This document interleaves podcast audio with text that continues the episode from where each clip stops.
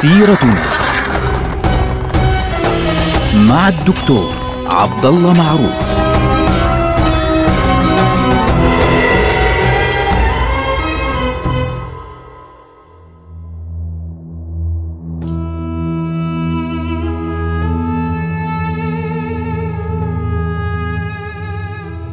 السلام عليكم ورحمة الله وبركاته.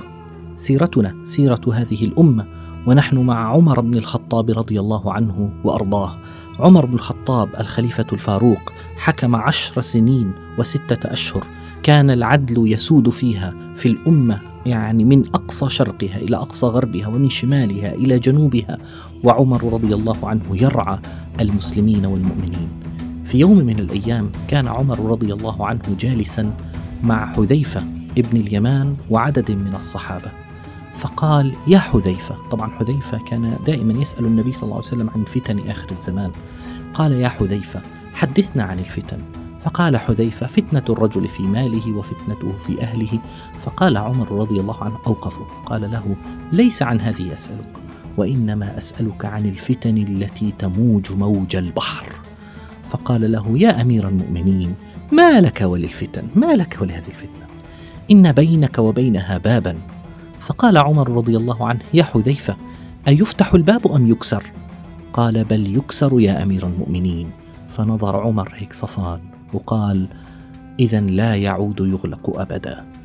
فالناس جالسين مش فاهمين شيء شو اللي بيقولوا؟ ما لكم يا جماعة وما الباب؟ فأخذوا حذيفة أخذوه على جنبه قالوا له ما الباب؟ وما شو اللي بتتكلموا فيه أنت وعمر؟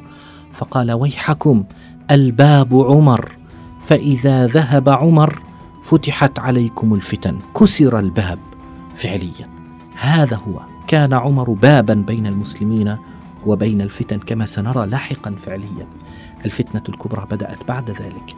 عمر رضي الله عنه كان في نهاية العام الثالث والعشرين للهجرة يتحضر فعليا لمرحلة جديدة من حياته وهي مرحلة النهاية التي سينتقل فيها إلى الله عز وجل.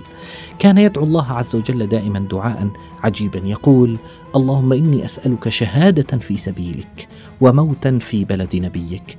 فكان الناس يستغربون وأن له بالشهادة هنا في المدينة مدينة هذه المدينة مدينة النبي صلى الله عليه وسلم كان عمر رضي الله عنه لا يأذن للغلمان والموالي الذين يأتون خاصة من بلاد فارس لا يأذن لهم أبدا بأن يسكنوا في المدينة. خاصة الكبار. لماذا؟ حتى لا تحدث يعني أي إشكاليات في داخل المدينة. حتى جاءه المغيرة بن شعبة كان على الكوفة المغيرة بن شعبة وجاء معه غلام اسمه فيروز. هذا الغلام اللي هو يلقب بلقب أبي لؤلؤة. قال له هذا غلام يصنع كل شيء. هذا ذكي يعني بيعمل نجار نجار حداد حداد كل شيء نقاش نقاش كل شيء بيشتغله فأذن له يا أمير المؤمنين أن أن يجلس في المدينة. فجلس في المدينة أذن له عمر وجلس في المدينة. طبعا المدينة في ذلك الوقت كان فيها أيضا الهرمزان اللي هو ذكرناه في حلقة ماضية الذي يعني أسلم على يد عمر بعد أن كان أحد القادة الكبار في الجيش الفارسي. فعدد الفرس فعليا في المدينة كان قليلا. فأبو لؤلؤ هذا جاء مرة إلى عمر بن الخطاب رضي الله عنه وشكى له المغيرة بن شعبة. قال له إن المغيرة بن شعبة يعطيني يعني شيئا كثيرا جدا من الأعمال ولا يعطيني إلا مئة درهم. فقال عمر يعني الخراج ليس كثيرا فبالنهاية يعني ليس هناك شيء. ثم قال للمغيرة أحسن في مولاك يعني أحسن له. فهذا الرجل غضب غضبا شديدا. طبعا هذه رواية تذكر كأنه الموضوع والله هكذا تصرف شخصي. هناك روايات في التاريخ تبين أن استشهاد عمر رضي الله عنه كانت نتيجة مؤامرة فعليا من قبل بعض الفرس الذين كانوا في المدينة. يعني بعضهم اتهم حتى فيها الهرمزان علما أن الهرمزان يعني قبل وفاته قال لا إله إلا الله. لكن لذلك يعني الموضوع غير غير واضح. لكن بالنسبة لهذا الرجل اللي هو آه، فيروز أو أبو لؤلؤة كان الرجل على مجوسيته لم يتغير دينه أبدا وكان ينظر للمسلمين نظرة يعني فيها احتقار وكان ساخطا على عمر فصنع لعمر رضي الله عنه خنجرا له رأسان نصله في وسطه يعني بينمسك من الوسط بتكون اليد في الوسط وعن اليمين وعن اليسار بيكون الخنجر طالع عن اليمين وعن اليسار بحيث أنه يضرب يمين أو يسار يعني يصيب وسمى هذا الخنجر. وفي يوم السادس والعشرين تقريبا من ذي الحجة عام 23 بعد أن عاد عمر رضي الله عنه من الحج بعدة أيام كان عمر رضي الله عنه داخلا ليصلي صلاة الفجر مع الناس فوقف وكبر. كان ذلك بالتاريخ الميلادي كان شهر 11 يعني أوائل شهر 11 سنة 644 للميلاد. فعمر رضي الله عنه كبر للصلاة واندس هذا المجرم بجانب عمر رضي الله عنه فبمجرد ما كبر عمر وبدأ الصلاة بدأ هذا الرجل يطعنه فطعنه ثلاث طعنات. فعمر رضي الله عنه يعني أمسك بمنطقة الجرح فهرب هذا الرجل وبدأ يطعن يمينا ويسارا طعن اثني عشر رجلا مع عمر رضي الله عنه يعني مات من هؤلاء ستة رجال. وأثناء هربه الناس طبعا ماجت في المسجد. هذا الحدث كان كبيرا جدا فألقى أحدهم غطاء عليه ثوب. فلما ألقي عليه الثوب وأيقن فعليا أنه سيقبض عليه نحر نفسه انتحر. يعني قتل نفسه مباشرة. فحمل عمر رضي الله عنه إلى بيته وجاءوا له بطبيب. فالطبيب سقاه لبنا فإذا باللبن يخرج من بطنه رضي الله عنه. فقال عمر لا إله إلا الله. خلاص انتهى الأمر. فقالوا له يعني لا بأس عليك. فقال يعني إن يك بالقتل بأس فقد قتلت والحمد لله. حتى أنه ابن عباس بدأ يعني يثني عليه ويقول يعني رضي الله عنك وقبلك يعني لو كنت فعلت وفعلت وفعلت. فقال عمر رضي الله عنه لو أن لي طلاع الأرض ذهبا لافتديت به من هول المطلع. فقالوا له اعهد يا أمير المؤمنين. فقال أما والله لا أفعل مثل ما فعل. أبو بكر أن أحطها في راس واحد وخلص في راسي ولكني أجعلها شورى. فواحد من الناس طلع له قال له يا أمير المؤمنين أنا أدلك على خيرهم. استخلف ولدك عبد الله بن عمر. قال له ويحك. والله ما أردت بها وجه الله. إن يك فيها خير فقد تقلدها رجل من آل عمر. وإن, تك شرا فيكفي آل عمر أن يعني يتقلدها رجل واحد.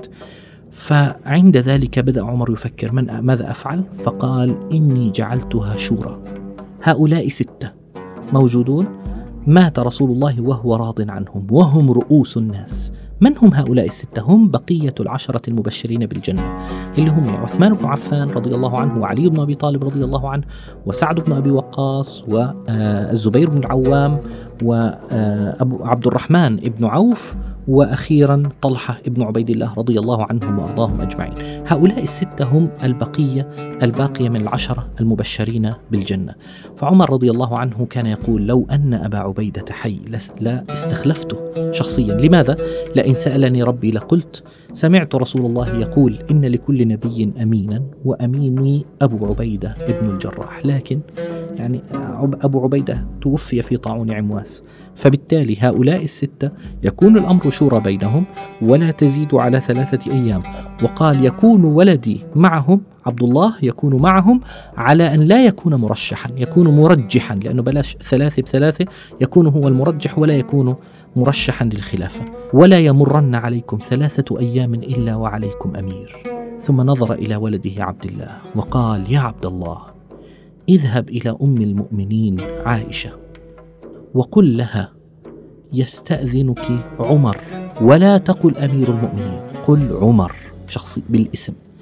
قل عمر يستأذنك عمر ويقول أتأذنين لي أن أدفن مع صاحبي؟ لاحظوا كلمة صاحبي من؟ رسول الله وأبو بكر. فلما وصل آه، عبد الله بن عمر إلى أم المؤمنين عائشة قالت والله لقد كنت قد ادخرت ذاك المكان لنفسي. أما والله لأوثرنه اليوم على نفسي. قل له قد أذنت أم المؤمنين. فجاء إليه وبشره بذلك أنه أبشر فقال الحمد لله. والله ما كان لي هم أكثر من ذاك الموضع. يعني مش مهتم بشيء أكثر من إني أين أدفن؟ أدفن بجانب رسول الله صلى الله عليه وسلم وأبي بكر رضي الله عنه وأرضاه. ثم أوصى ولده. عبد الله قال له إذا أنا مت فاذهب مرة أخرى إلى أم المؤمنين وقل لها نفس الكلمة. لماذا؟ يقول لعل ربما تكون أم المؤمنين يعني فعليا قد قالت خلص أذنت له من باب الحياء يعني فاستأذن لي منها مرة أخرى. فبعد ذلك قال آه، عمر رضي الله عنه بعد ذلك قال لابنه اقتصدوا في كفني. فإنه إن كان لي عند الله خير أبدلني ما هو خير منه. وإن كنت على غير ذلك سلبني فأسرع سلبي. واقتصدوا في حفرتي فإنه إن كان لي عند الله خير أوسع لي فيها مد بصري. وإن كنت على غير ذلك ضيقها علي حتى تختلف أضلاعي. ولا تخرج معي امرأة لماذا؟ حتى لا تبكي. ولا تزكوني بما ليس في فإن الله هو أعلم بي. فإذا خرجتم فأسرعوا في المشي. فإنه إن كان لي عند الله خير قدمتموني إلى ما هو خير لي. وإن كنت على غير ذلك ألقيتم على رقابكم شرا تحملونه. إخواننا عمر هو الذي يقول ذلك. عمر بن الخطاب الذي ملأ الأرض عدلا كان يقول ويل عمر إن لم يغفر له ربه ليت أم عمر ما ولدت عمر؟ عندما كان على وشك الوفاة رضي الله عنه وضع خده على الأرض وقال ليت أمي لم تلدني. اللهم اغفر لعمر. اللهم اغفر لعمر. اللهم اغفر لعمر. وتوفي رضي الله عنه وهو على هذه الحال. وكفن رضي الله عنه يوم الأحد. يعني كان ذلك مع بداية أو قبيل بداية خلافة عثمان رضي الله عنه ثم حمل رضي الله عنه وأرضاه ولم ير في الإسلام يوم فجع فيه المسلمون منذ يوم وفاة رسول الله ثم يوم وفاة أبي بكر مثل ذلك اليوم. عمر رضي الله عنه يوم توفي قالت أم أيمن اليوم وهى الإسلام. هذا اليوم العظيم عندما حمل رضي الله عنه وأرضاه جاء ابن عمر رضي الله عنه فطرق باب السيدة عائشة وقال عمر يستأذن. فقالت قد أذنت له. فأدخلوه ودفنوه هناك رضي الله عنه. جعل رأس عمر رضي الله عنه عند قدمي رسول الله صلى الله عليه وسلم. فبالتالي اليوم بيكون النبي صلى الله عليه وسلم ثم خلفه إلى الأسفل قليلا. أبو بكر رضي الله عنه وعند أرجل النبي صلى الله عليه وسلم بيكون رأس عمر رضي الله عنه وأرضاه. كان ذلك أكثر شيء يهم عمر رضي الله عنه وأرضاه بعد استشهاده. رضي الله عن عمر وتقبله في الصالحين. رضي الله عن عمر فقد نشر العدل في العالمين. رضي الله عن عمر فقد أصبح مثلا يحتدى في كل الدنيا. رضي الله عن عمر فقد أصبح الرجل الذي يفتخر بعدله المسلمون إلى آخر الدهر. رضي الله عن عمر رضي الله عن عمر رضي الله عن عمر. نلقاكم على خير. والسلام عليكم ورحمة الله وبركاته.